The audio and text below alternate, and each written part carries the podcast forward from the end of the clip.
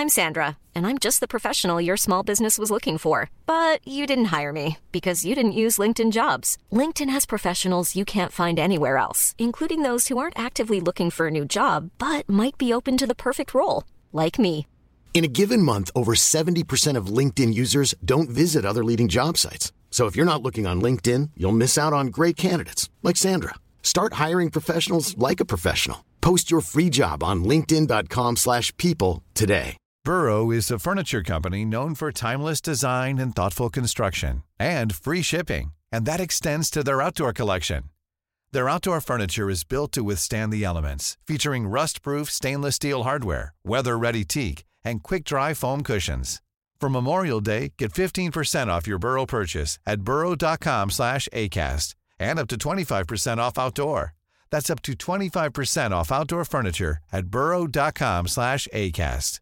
There's never been a faster or easier way to start your weight loss journey than with PlushCare. PlushCare accepts most insurance plans and gives you online access to board-certified physicians who can prescribe FDA-approved weight loss medications like Wigovi and Zepbound for those who qualify. Take charge of your health and speak with a board-certified physician about a weight loss plan that's right for you. Get started today at plushcare.com slash weight loss. That's plushcare.com slash weight loss. plushcare.com slash weight loss. I've drummed it into our players that they are privileged to play for you. Corner taken quickly, Origi! And Mission Impossible is accomplished. It's seven for Liverpool. Sensational, astonishing, incredible. Du hører på Pausepraten dokumentar fra Liverpool supporterklubb Norge. Jeg heter Mari Lunde, og dette er del én av historien om Rafael Benitez. Den 16. april 1960 ble Rafael Benitez født på et sykehus i Madrid.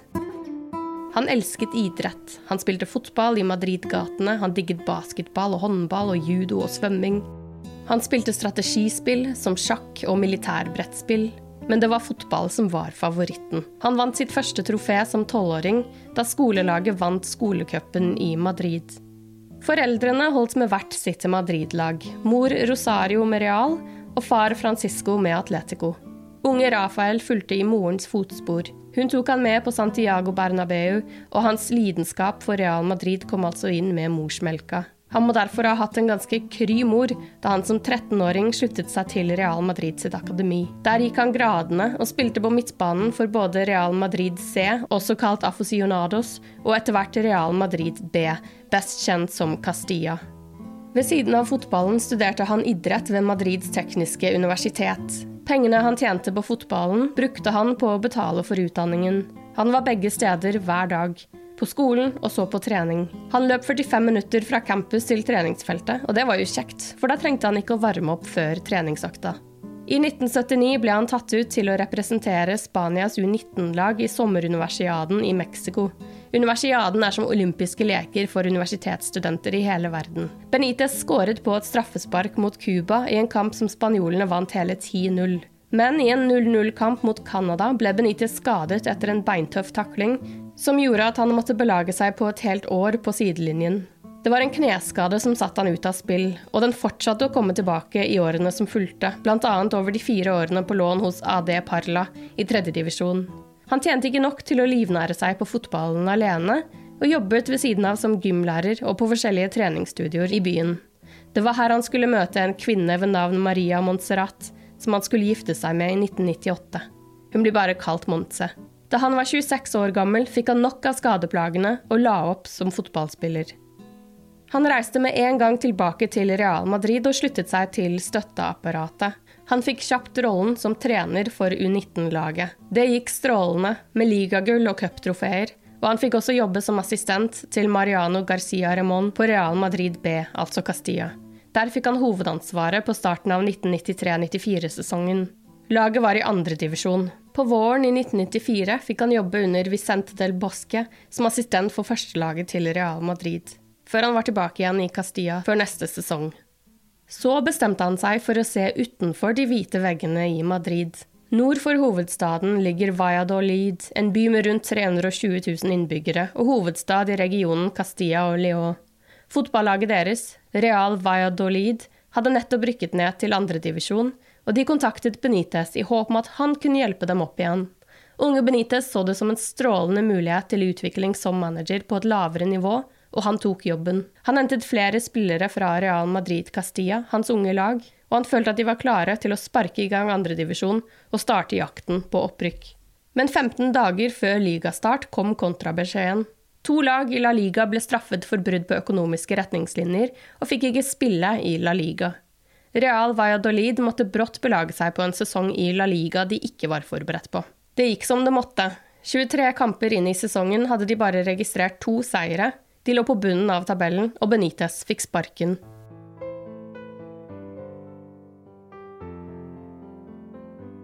Neste sesong ble han ansatt i Osasuna i andredivisjon, men heller ikke det ble noen suksess. På Benitez sin egen hjemmeside forklarer han at det nok en gang skyldtes at målene og retningene ble endret i siste liten. Etter bare ni kamper fikk han sparken, da klubben regnet han som for ung og uerfaren.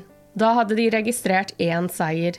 Selv om det ikke ble suksess der, møtte han Paco Ayisteran, som han formet et tett partnerskap med som skulle vare i mange år, også inn i den tiden i Liverpool, hvor Ayisteran var Benitez sin assistent. Mange hadde kanskje begynt å tvile på sine egne ferdigheter etter dette, men ikke Benitez. Han følte at alt han trengte, var et lag som stolte på han til å gjøre jobben for dem. Det laget fant han først i Almendralejo, hvor Extremadura FC ga han jobben. Extremadura hadde nettopp rykket ned etter én sesong i La Liga, og var altså i andredivisjon. Men etter én sesong med Benitez bak roret, så var de tilbake igjen i La Liga. Det takket være et solid forsvar og en effektiv spiss i Igor Glusjkevitsj. De varte bare én sesong i La Liga før de rykket ned igjen, men en 17.-plass var den høyeste plasseringen til Extremadura noen gang. I 2010 ble klubben oppløst etter store økonomiske problemer. Etter den ene sesongen i La Liga valgte Benitez å si opp jobben i klubben og tok ett år fri fra fotballen. Han brukte året på å studere i både England og Italia, og han jobbet i media for Eurosport, Marca, El Mundo og lokal-TV i Madrid. I år 2000 tok han sin neste managerjobb, i Tenerife, nok en andredivisjonsklubb. Der gjentok han bragden fra Extremadura og tok øyklubben opp igjen til La Liga. I motsetning til i Extremadura var målene fordelt jevnt over angrepslinja, som besto bl.a. av et par navn vi ble bedre kjent med i årene som kom. Mista hadde spilt under Benitez i Real Madrids ungdomslag, og sluttet seg senere til Valencia med nettopp Benitez. Til venstre for Mista hadde man Luis Garcia. Garcia var på lån fra Barcelona, og på sitt beste var han et mareritt for enhver forsvarer. Tenerife var klar for La Liga, men Benitez ble ikke med videre. For nå fikk han jobben som virkelig skulle bli hans store gjennombrudd.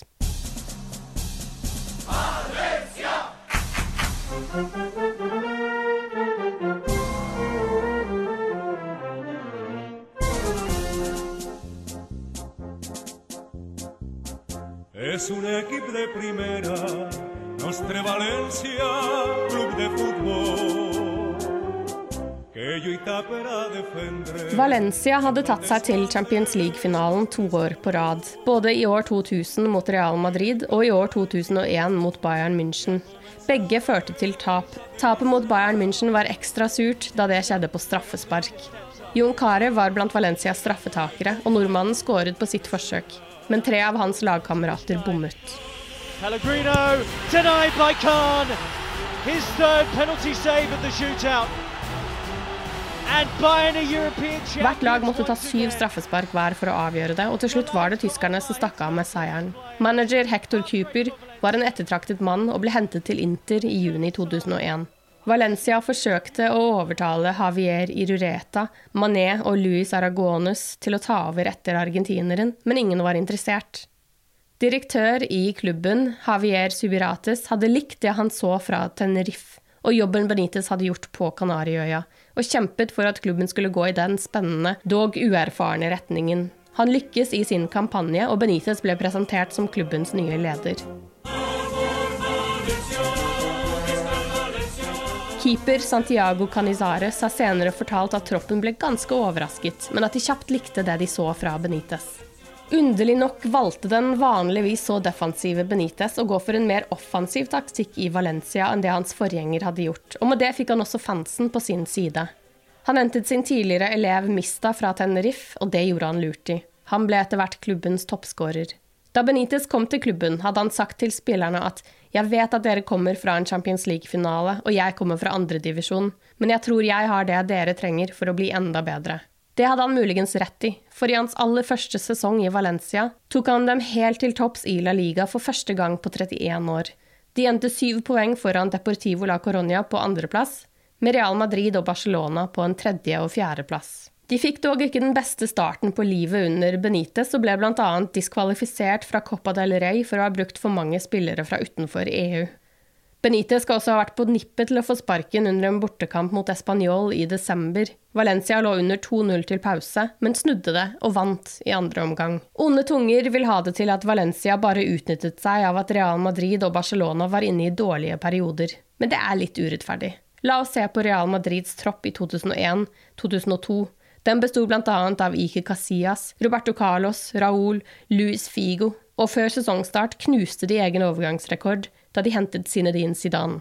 Og så er det Barcelona, da, i samme sesong. De hadde Patrick Cloyfert, Xavi, Rivaldo, Mark Overmars, Carles Poyol, for å nevne noen. Benitez gikk for en ganske uvanlig 4-2-3-1-formasjon på en tid hvor det var nærmest uhørt. Kanskje var han til og med først til å bruke tre angripere bak en midtspiss, og foran to midtbaneankere og en solid forsvarsfirer. Vingene trakk seg ned for å hjelpe på midtbanen når de var under angrep, og de var eksperter på sonemarkering. De skåret ikke mange mål. De vant ligaen med totalt 51 skårede mål, og de var mestere av en 1-0-seier. Junkare var som sagt i troppen, men noterte bare én nettkjenning på 24 kamper. 2002-2003 ble en skuffende sesong etter suksessen fra sesongen før, og de var hele 18 poeng bak ligavinner Real Madrid. Den sesongen ga dog Benitez debuten i Champions League, hvor de tok seg til kvartfinalen, men tapte for Inter Milan. Så kom 2003-2004-sesongen, hvor Valencia nok en gang var tilbake på topp i La Liga. De kapret ligatittelen, og det gjensto fortsatt tre kamper å spille. Denne sesongen skåret de også 20 mål flere enn da de vant ligaen to sesonger tidligere. Mista hadde virkelig fått fart på sakene. I tillegg slo de Marseille i Uefa-cupfinalen. Til tross for en helt glitrende sesong i Valencia ble Benitez og klubbens fotballdirektør Jesus Garcia Pitarc uvenner. Benitez følte at han ikke fikk den støtten han trengte, og de spillerne han ønsket. Jeg håpet på en sofa, men fikk en lampe, forklarte han. Uenighetene fikk Benitez til å si opp i Valencia i juni 2004. I 2004 mistet Gerard Houllier jobben i Liverpool etter å ha vært i klubben i seks år. Liverpool skal visstnok ha ønsket seg portomanager José Mourinho til å ta over, men han ble omsider forfristet av Chelsea og deres nyanskaffede russiske rubler. Med Mourinho ute av samtalen var Liverpool-styret helt enige. 44 år gamle Rafael Benitez var mannen de trengte. Det hele ble ansett som et kupp. Valencia skal ha vært desperate etter å beholde han, men Benitez var gira på å bli den første spanske manageren i Premier League. John Williams er professor i sosiologi ved universitetet i Leicester og opprinnelig fra Liverpool. Han har skrevet flere bøker om Liverpool, bl.a. The Liverpool Way og Redman Reborn, som straks kommer ut i ny utgave. I 2007 skrev han også boka Rafa, Liverpool FC, Benitez and the New Spanish Fury, sammen med Ramón Lopez. Den boka er vanskelig å få tak i den dag i dag, da den ikke publiseres lenger, men Williams kan heldigvis fortelle litt om arbeidet med boka, og tiden da Benitez kom til Liverpool. Valencia was a lot like the position that Liverpool were in in 2004. Liverpool were not financially the biggest club in uh, in Britain. Uh, new money was coming in. Chelsea were were were part of that new elite uh, Arsenal, Manchester City were beginning to uh, to look like they may be heading in the same direction, and Benitez had shown in Spain that he could do something that not many people imagined was possible, and that that was unseat Barcelona and and Real Madrid. He won two Spanish titles, uh, won a UEFA Cup, took Valencia into a, a, a, Champions League final. He he looked like he could do exactly what Liverpool uh, needed at that time. I juni 2004 kom bekreftelsen. Rafael Benitez var Liverpools nye manager. Det er som en drøm å være her. Jeg er veldig, veldig stolt over å komme til en av de viktigste klubbene i verden, i en av de beste ligaene i verden, og jeg vil vinne, sa Benitez. Han fikk en femårskontrakt. Jeg vil at supporterne skal være stolte av laget, av manageren, av spillerne, av klubben. Liverpool-journalist og fotballskribent Gareth Roberts husker godt at Benitez kom til klubben, og hvor glade supporterne var over den ansettelsen. So yeah, I remember being excited about it because you know we needed um, we needed a change, we needed to do something else. Um, he felt as though he was going to be someone who was going to come in and build something. We'd obviously had Houllier before, who I think had, you know, set good standards, revolutionised the club. Really, I mean, I, you know, I think you've got to talk about Houllier before you talk about Benitez, and I'll always have a special place for both of them because I think, you know, Houllier in the end, I think sort of, you know, it, it obviously got to him. He had the health issues but also I think he I think he got a little bit paranoid about sort of his own management and how he was perceived and he was constantly talking about like you know ex players and what they were saying about him and and looked at one or two that were definitely against them and, and didn't say nice things but I kind of just think if you're Liverpool manager you just got to be above that and beyond that and don't worry about that but um it, it you know it, came, it obviously came to a bit of a head with Houllier in the end and then you know he was he was moved on and Benitez came in. But it, it felt exciting. It felt like you know a manager who continued to build on what we'd seen. Um, obviously, Houllier subsequently uh, has made it very clear, you know, that um, he felt it was a lot of his work that led to us winning the European Cup and things like that. I mean, it was a bit, it, was, it got a bit messy that didn't it? I think, I think, I think you have to give credit to the man who's actually in charge when that happens. Uh, God rest Houlier's soul, but um, but no, yeah, I think we were all really excited about Benitez. It felt like a good get. Do you know what I mean? Um, it felt like you know it was he was quality. He'd, he'd managed um, well over in Spain. He was a you know a bit of a wanted man as well. It wasn't like we just sort of pulled him from nowhere. I mean, if you compare to managers that have come since, a lot of Reds, a lot of Reds didn't want Brendan Rodgers. Didn't feel like he had the pedigree or the CV. I would I would say you know, Benitez was very much the other way and that you could see his pedigree, you could see his CV, and we were all excited about what he was going to do with Liverpool. Liverpools administrerende direktør Rick Parry fortalte at det var tydelig at Benitez ville komme til Liverpool. Han er ung, entusiastisk og sulten på suksess. The feeling that, you know, Liverpool could no longer match the, the spending of, of clubs like Chelsea, and they had to find another way of, uh, of doing this. Amors was still the owner, And so they had to find a coach who could uh, make success without spending huge sums of money, and Benitez looked exactly like what they were looking for. En annen Benitez-støttespiller var Michael Owen. Stjernespissen hadde vært toppskårer i klubben de siste syv årene, og en uvurderlig spiller for Liverpool. 2003-2004-sesongen hadde han slitt med skader, men han hadde likevel skåret 19 mål og hjalp Liverpool å sikre den viktige fjerdeplassen. Men overgangsryktene svirret, og det samme gjorde de rundt kaptein Steven Gerrard. Scouseren på midtbanen var et yndet transfermål for Chelsea. Mourinho var stor fan. Benitez fortalte da han ble klar som manager at det er viktig at jeg prater med spillere som Steven Gerrard og Michael Owen, og forteller dem mine ideer. Jeg trenger spillere som dem, med god mentalitet og kvalitet. Siden Liverpool kom på fjerdeplass i Premier League, måtte de spille kvalifiseringskamper for å ta seg inn i gruppespillet i Champions League. De møtte østerrikske Graser AK og vant 2-1 sammenlagt, og var altså klare for gruppespillet. Men Owen satt på benken i begge kampene. Benitez plasserte han der for å hindre at han skulle bli cuptied, hindret fra å delta i konkurranse med et annet lag, og med det falle i verdi. De fleste skjønte nok hvor det skulle bære, og i august 2004 signerte han for Real Madrid. Men Benitez klarte å overtale Gerard til å bli. I et møte med Gerard Owen og Jamie Carriger tidlig sommeren 2004 hadde Skauserne fortalt Benitez at laget trengte mer konkurranse. At noen av spillerne var komfortable enten med å ikke spille, eller at de følte de ikke trengte å spille opp mot sitt beste, for det var ikke mer konkurranse på sine plasser. Den sommeren hentet Benitez bl.a. Chabi Alonso og Luis Garcia, som han kjente fra Tenerife, samt Jibril Cissé, Hosemi og Antonio Nunes. There's another thing that goes on, and almost at the moment he arrives, and that is we we get the first of the of the kind of Stephen Gerrard crises. You know, do I do I stay here or do I go to Chelsea?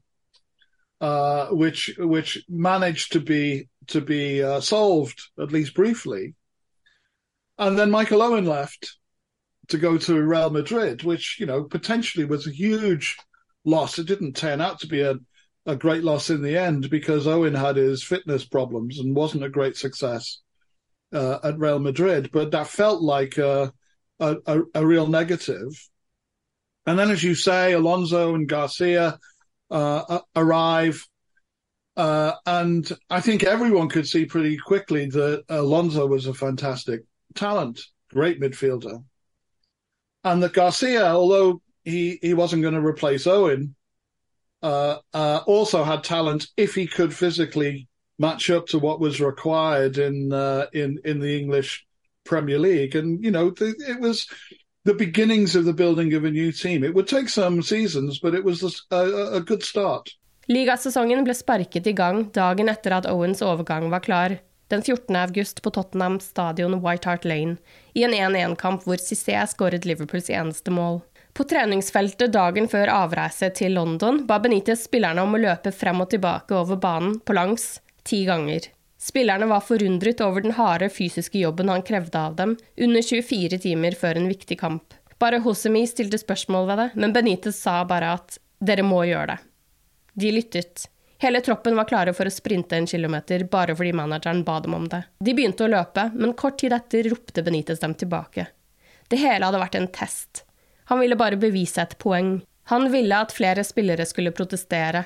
Han ville at spillerne skulle tenke selv, at de skulle forstå hvorfor de gjorde enkelte ting. Han sa at han ville alltid gi dem en grunn, forklare hvorfor man gjorde det ene eller det andre. Han mente at de ville stole på han så fort de skjønte årsakene, tankesettet hans og spillerne responderte bra på dette.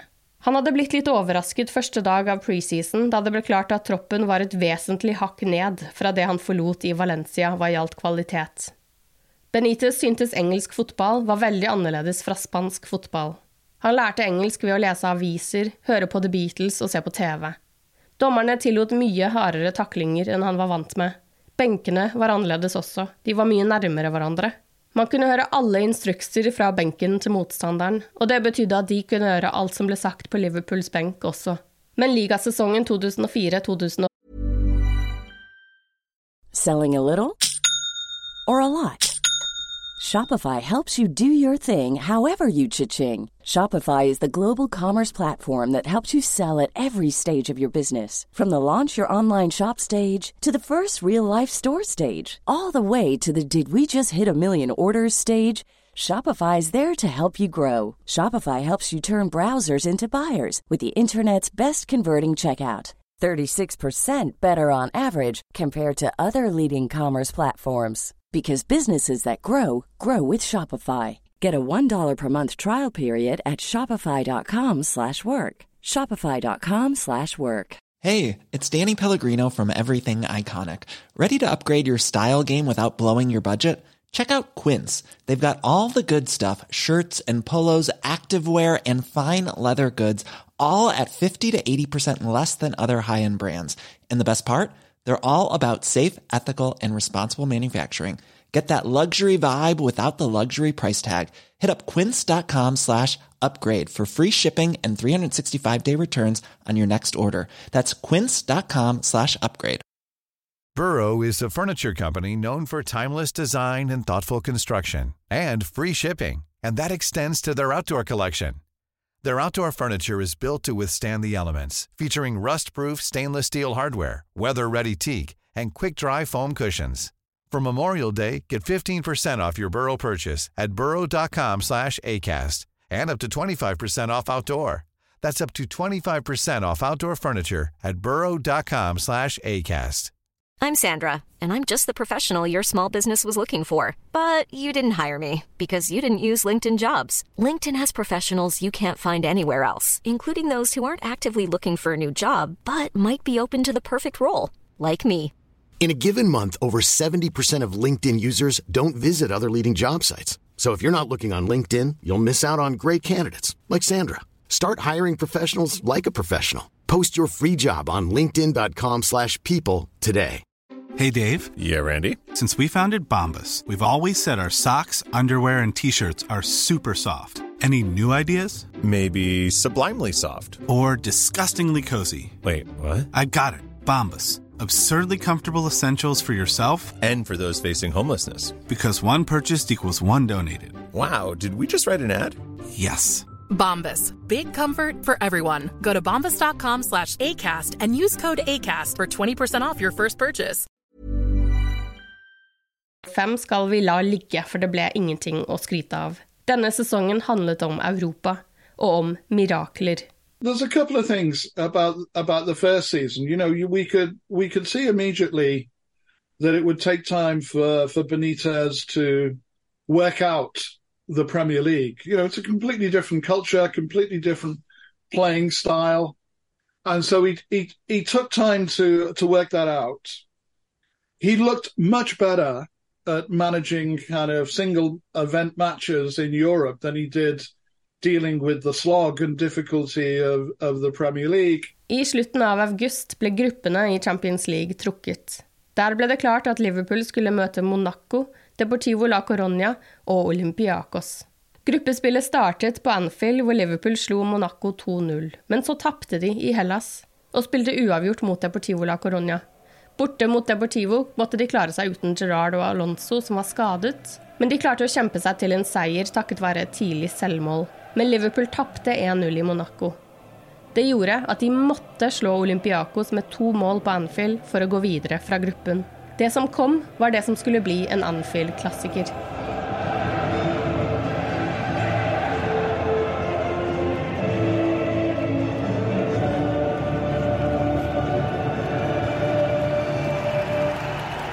Stemningen var elektrisk. Det var Benitez sitt første virkelig gode møte med den legendariske Anfield-atmosfæren. Den som alle snakker om, men som mange kanskje kan bli litt skuffet over. Den er nemlig ikke der mot Burnley en lørdag klokka tre.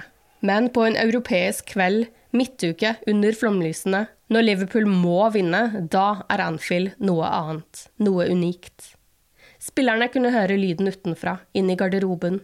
Til pause lå de under 1-0, og de trengte altså tre mål i andre omgang uten å slippe inn noen, for å gå videre. I pausen gjorde Benitez et bytte.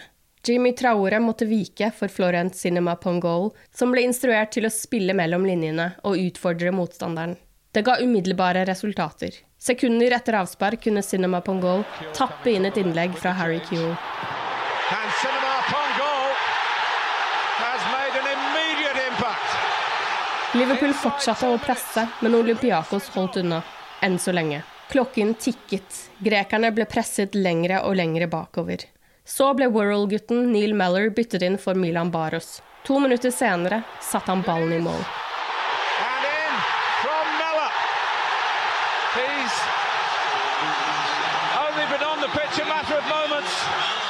Det var definitivt game on, men det gjensto bare ti minutter, så Liverpool måtte handle raskt for å få det siste målet de manglet. Og så, i det 86. minutt, oppsto det magi. Carriger fikk ballen på venstre kant. Han fant Meller, som headet til Gerrard, som lå og lurte umarkert like på utsiden av Olympiakos 16-meter. På en perfekt halvvolley hamret han ballen i mål. Lovely cushion header. But Gerrard! Oh, you beauty! What a head, son! What a head! Well, you take a tap Det er en jævla klisjé, jeg vet, men stadion eksploderte. Benitez fikk en bamseklem fra en vakt. Selv var han et rolig steinansikt, men på innsiden kjente han det, så klart. Men han var bare så inderlig klar over at det gjensto fire minutter pluss tilleggstid. Men Liverpool klarte det. De gikk videre fra gruppen sammen med Monaco. The Olympiacos games, obviously, you know, one that we're all going for the rest of our lives, really, and you know, to pull it out the bag in, in that fashion, for Stevie to score that goal. But you know, there's lots of other sort of players that contribute as well, and I think I think the whole you know the whole Champions League run really, you know, it, it's all perceived, you know, it's often perceived as like you know this amazing underdog journey and all that kind of thing.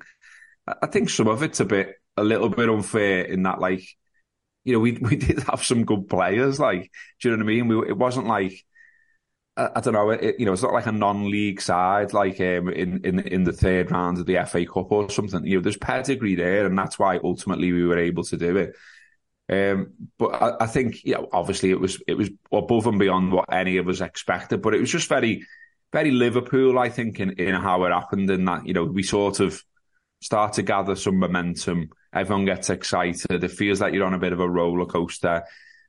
It gets better and better and better. We get more and more excited. That that energy feeds into the players. What the players are doing feeds back to us. We have this perfect circle and we all think we're unstoppable. Liverpool møtte Bayer Leverkosen i åttedelsfinalene. De vant 3-1 på Anfield med mål fra Garcia, Jon Arne Riise og Didi Hamann. Dagen før returoppgjøret var hele troppen og støtteapparatet på plass i Köln. Benitez ville få med seg kampen mellom Chelsea og Barcelona, men han ble ikke vist på laghotellet. Derfor dro han sammen med trener Alex Miller, Paco Ayesteran og Ocho Tarena til en irsk pub i byen som hadde kanalen. Problemet var bare at puben var stappfull av Liverpool-supportere. Benitez og co. forsøkte å gå inkognito, men det tok ikke lang tid før han ble oppdaget, og ordet spredde seg. Det ble tatt bilder på pikslete gamle Nokia-telefoner, og bildebeviset ble spredt på Liverpool-forum til de fleste store overraskelse. Benitez hadde allerede blitt ganske godt mottatt på Anfield, men etter at han ble sett på en pub sammen med supporterne, ble han enda mer populær. Selv skjønte Benitez at de ikke kunne bli værende på puben etter at de ble oppdaget, og følget begynte å rygge sakte ut av puben. 24 timer senere gikk de seirende av banen i Tyskland, de hadde vunnet 3-1 igjen. I kvartfinalen ventet Juventus. Det var første gang lagene møttes siden europacupfinalen på Heisel i 1985. Da hadde det oppstått opptøyer på stadion som endte med at 39 Juventus-supportere mistet livet, og 14 Liverpool-supportere fikk fengselsstraff. Det var supersensitivt. Før kampstart brettet The Cop ut en mosaikk hvor det sto amicizia, vennskap. Flere Juventus-supportere svarte med å snu ryggen til.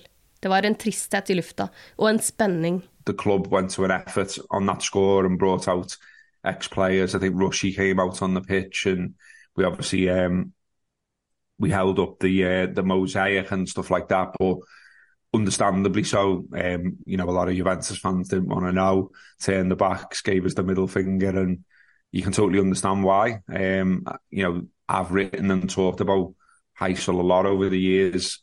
Um, Liverpool didn't do enough. Liverpool didn't put their hands up to their involvement for a long time.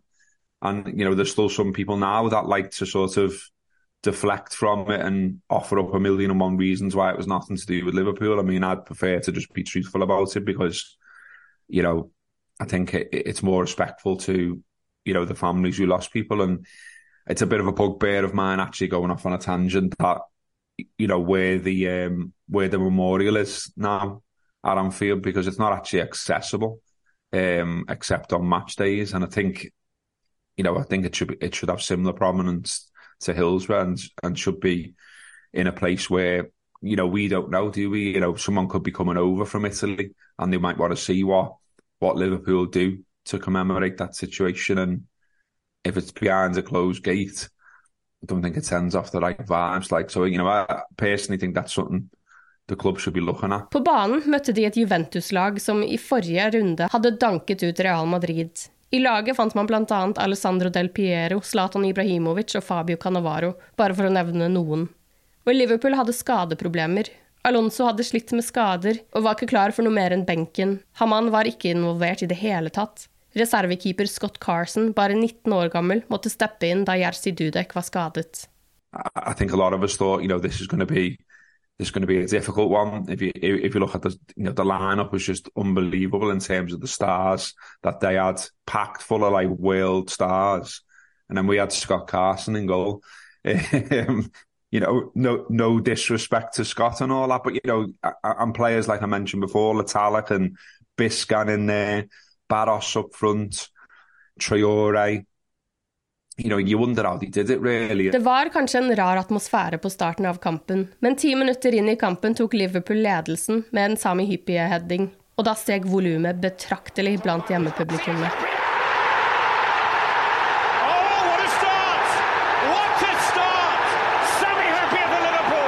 Et kvarter senere la Luis Garcia på til 2-0, og Anfield vibrerte, og Rafa-sangen ljomet sammen med Ring of Fire.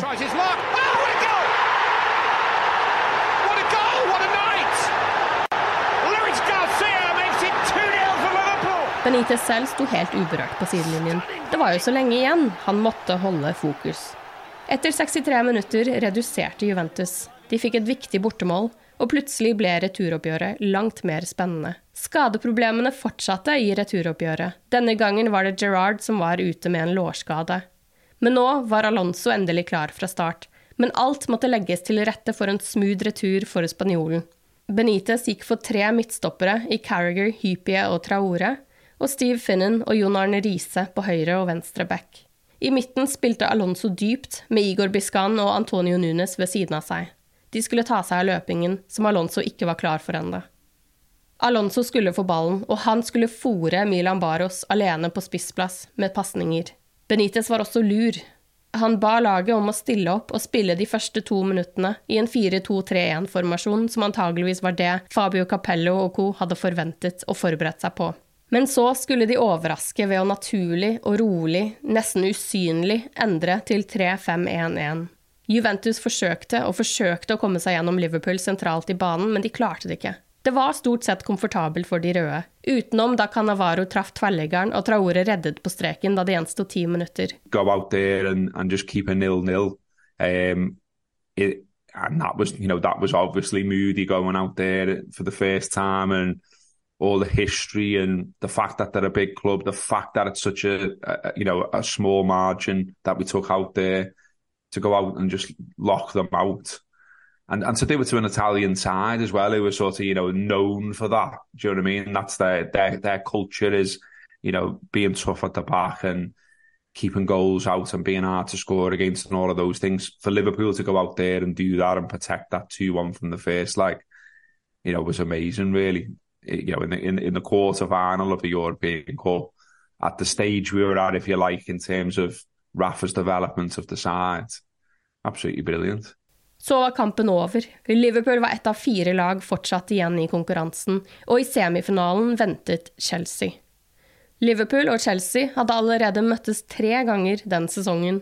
To ganger i ligaen hadde det endt med 1-0-tap for de røde. I kampen på Anfield hadde en Frank Lampard-takling brukket ankelen til Alonso. Lagene møttes i finalen av ligacupen, der Chelsea vant 3-2 etter ekstraomganger. Det lovet ikke akkurat godt for Benitez og hans menn for det som skulle bli starten på et rivaleri med Chelsea og mellom Benitez og Mourinho, som opp til det punktet hadde et helt OK forhold. London-laget var sterkt. Mourinho hadde mange strenger å spille på. For Liverpool måtte alt være perfekt, alt måtte klaffe for at de skulle vinne oppgjøret. Benitez satt forsvarslinja som i Torino, ikke for høyt og ikke for lavt. Hadde de lagt seg for nært egen 16-meter, var han sikker på at Chelsea ville skåre. De terpet på offside-fella, og i tillegg til stonemarkering måtte de markere John Terry på frispark. De var klare på at den første kampen på Stamford Bridge handlet om å komme helskinnet hjem. Det gjorde de til en viss grad. Det endte 0-0, et veldig godt utgangspunkt for returoppgjøret på Anfield, men det var en strek i regningen. Alonso fikk et gult kort i sluttminuttene for en takling på Eidur Gudjonsen, og han ville gå glipp av kampen på Anfield. De aller fleste hadde nok forventet at Chelsea endelig skulle stoppe Liverpool fra å nå finalen i Istanbul. At de blå skulle gjøre som i ligaen, vinne på Anfield. Men Anfield er Anfield, og som Benitez allerede hadde opplevd mot Olympiakos, under flomlyset så kan Anfield utføre de mest utrolige ting, ren trolldom. Semifinalen mot Chelsea regnes som en av de aller, aller beste kveldene på Anfield hva atmosfære gjelder, noen gang. Det hadde gått 20 år siden forrige gang de var i en finale i Europacupen. 21 år siden forrige gang de hadde vunnet en finale. På tribunen sto de som hadde opplevd det før, og de som bare hadde hørt historier om en fordums tid hvor de røde herjet på det aller øverste nivået i europeisk fotball, hvor de var best. Nå var det bare et nyrikt London-lag, nettopp kronet ligamestere, som sto i veien for nok en finale. Det var så anspent. Spenningen lå så tjukt i lufta at man nesten kunne holde den i hånda, at man nesten måtte dra den til side for å komme gjennom telleapparatene. Benitez merket at spillerne var litt nervøse. Da handler det om å forsikre dem om at de vet hva de driver med, forsikre dem om at de er godt forberedt, og å holde seg til rutinene. Benitez selv skriver i boka si at han ikke blir nervøs, han er altfor fokusert til å bli nervøs. Vi har ingenting å tape i kveld, Chelsea er favoritter, alle snakker om Chelsea, kunne han si til spillerne før avspark. You know, if you put the two paper, you know, you, you don't expect Liverpool to win, but you was absolutely brilliant. One of the best I've ever been involved in. Um, as a Liverpool fan going the match for 30 odd years. Spillerne gikk ut til en mur. En mur av lyd, spetakkel, klapping, synging, rop.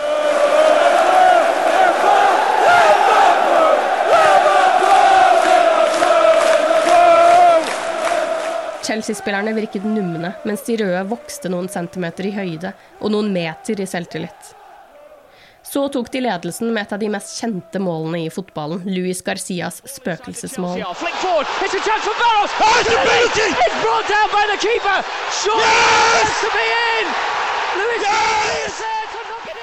Nyere teknologi antyder at hele ballen ikke var over mållinja. Det er det ikke mange Liverpool-supportere som bryr seg om, men det er et mål Mourinho har snakket om i lang, lang tid. Men hadde ikke målet blitt godkjent, så hadde Liverpool fått et straffespark og Peter Check blitt utvist for å felle Milan Baros. I stedet godkjente altså dommer Liverpool-målet. 1-0. Alt dette skjedde fire minutter inn i kampen. Så klart Benitez ikke jublet. Det gjensto jo vanvittige 86 minutter av nervepirrende spenning. The atmosphere in for the second leg was like no other atmosphere I've ever experienced at Liverpool. It was hysterical. Garcia scores the famous ghost goal to put Liverpool one goal up and therefore on, on the way to the final. And then for the rest of the match, as I remember it, the whole crowd just continues to howl. It's, it, it is complete hysteria in the stadium. Anfield gynget i glede, men jeg nekter å tro at ikke samtlige til stede den kvelden kunne spy av nervøsitet. Chelsea hadde ingenting å tape og kunne hive alt mot Liverpool, men de røde kom seg gjennom første omgang uten stor fare. Presset fortsatte i andre omgang, de blå kom nærmere og nærmere. Chelsea kunne ha vært mer aggressive, men det var de ikke. Likevel kom de himla nære, altfor nære. Da det gjensto seks minutter, havnet ballen hos Gudjonsen, og da sto tiden stille. Islendingen skjøt, og det hele gikk i sakte film. Anfield frøs. Jamie Carriger og Jerzy Dudek måtte se seg slått av ballen som føyk forbi, mot mål, og sniddet forbi stolpen, like utenfor mål.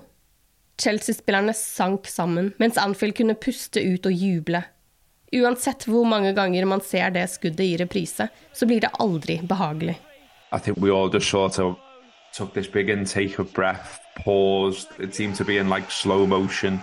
And then once it was out, it was out, and we all breathed again. Only dreams eight months ago, and now reality for Liverpool Football Club. They've taken on the best in Europe head on and booked their place in the Champions League final. It's Istanbul on May the 25th, 2005. The emotions around this ground are almost too much to take. This Anfield crowd you know, just just an, a, another amazing night and amazing to sort of. I, I, always remember being in, in town afterwards, and it, it felt like it felt like they tipped Anfield up in the air and just poured everyone into town. You know, it, eh, eh, you know, often you see similar faces who bother to go to town after football matches, but this was like every age of, of fan all seemed to just gravitate. You know, I think everyone needed it, needed the medicine of a pint after such a stressful occasion. You know what I mean? Because it was like you kicked every ball, you headed every ball, you were you were involved in every tackle almost. It was and it was absolutely rabid in terms of you know the atmosphere. It was one of those uh, like I just remember the relief at the end. You know, it was obviously joy that we're, we're in a European Cup final, but there was a huge relief as well that that it was over because you know we knew we're not we're not daft. We knew we'd sneaked it. We knew we were playing a great side. We knew at any point that they could put something together and you'd have a chance like the good Johnson chance. So I think on, on the final whistle it was that big mixture of relief and joy. And I can just remember like hugging loads of people that I'd never met in my life. But you know, hugging them like I would my own kids, type of thing. Not you know, because we were that like, ah, we, we've done it um, and in town afterwards, you know, I, I, I, think the police basically had to come to Slater Street in the end on like horseback and just basically like tell us to go home because everyone was just, you know, in good spirits, singing, shouting, all the stuff that you do when you've reached the European final. Um, but you know, in terms of like, uh, you know, their point of view, it's it's a Tuesday night in Liverpool, and uh, people are trying to have a kiff. Liverpool var klare for Champions League-finalen. I garderoben var det fest. Benitez var ikke så gira på det. Man var jo bare kommet til finalen, man hadde ikke vunnet finalen. Men kona, Montse, insisterte på at jo, nå blir det fest. Spillerne og støtteapparatet og konene reiste til baren Pan Am på Albert Dock, hvor de festet til tidlig morgen. Også tidligere Liverpool-spiller Robbie Fowler dukket opp, og han brukte anledningen til å godsnakke med Benitez og overbevise han om å signere han, noe han etter hvert også gjorde. Da festen flyttet seg fra Panam til Sir Thomas Hotel, dro Benitez hjem. Han hadde en Champions League-finale å forberede seg til. I del to Absolutely, we can talk about Istanbul for as long as you like. Let's do it. you know, everything about it was a bit weird and a bit mad and a bit like, why is a European Cup final here? And us all just sort of sitting on these like steps with our heads in our hands and just sort of like we could see people leaving. Why are these crazy fans still singing when they know defeat is inevitable? Then, of course, we have those crazy six minutes.